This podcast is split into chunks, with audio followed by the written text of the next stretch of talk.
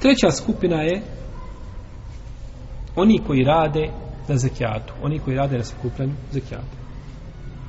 Vol amilina alija. Dozvoljeno je čovjeku koji radi na sakupljanju zekijata dati od zekijata i nije uvjet da čovjek koji sakuplja zekijat mora biti siromašan. Može biti bogat. Može čovjek koji sakuplja zekijat biti šta?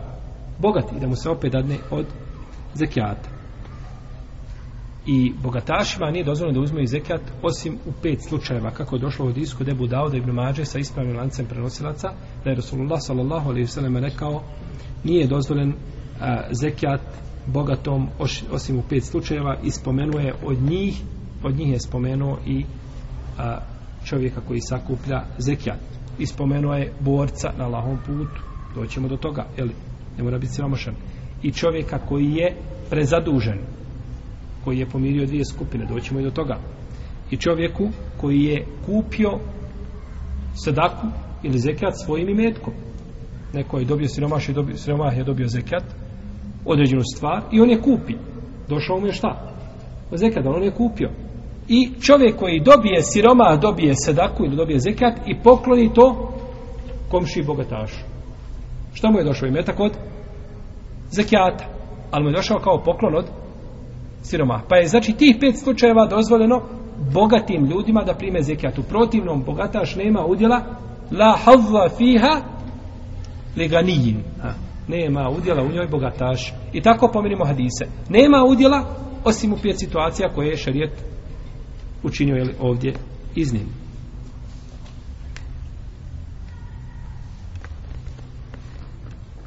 Kažu hanefijski učenjaci platit će se njemu shodno njegovom radu i utrošenom trudu ali neće nikako preći polovinu znači ako bude i toliko koji prikupljaju a malo prikupio ne smije preći polovinu Taman njegov trud bio više od toga. Ne smije se dati njemu više od polovine. Dok kažu šafijski učenjaci, ne smije mu se dati više, ne smije mu se dati više od osmine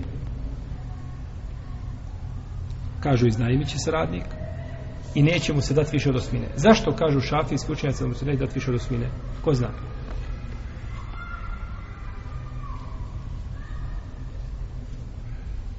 Kažu, ako zaradi više od osmine, ide iz Bejtul Mala, ide iz državne kase, neće iti od zekijata. Zašto su šafi isključenjaci kazali da mu se ne smije dati više od osmine? Zato znači što se na osam kategorija po mišljenju šafija kod džumhura u leme se ne mora dijeliti šta? Svima. Dok šafi slučajac kažu mora spodijeliti jednako. Pa kod nje ako je jednaka podjela onda ne smije doći njemu više od čega? Od osmine. Onda se namiri to iz državne jeli, kase. A kažu dozvoljeno je i imamu da dadne njemu nakladu iz državne kase da mu nikako ne daje iz, iz zekijata.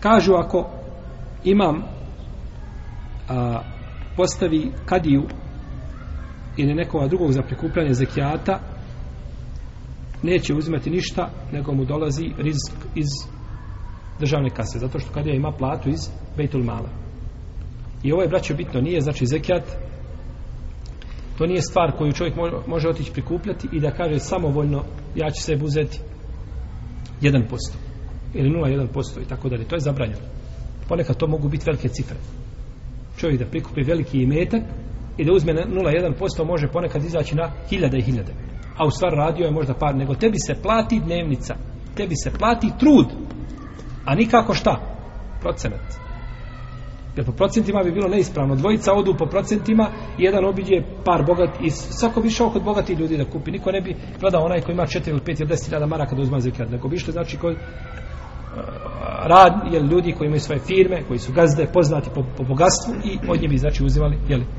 zekijat. Što bi bilo neispravno. Znači, čovjeku se da, da ne bi neko sebi rekao, e, jeste u Kur'anu, se kaže, oni koji rade na zekijatu. Boga mi, ja sam išao tri dana i hodao i kupio zekijat.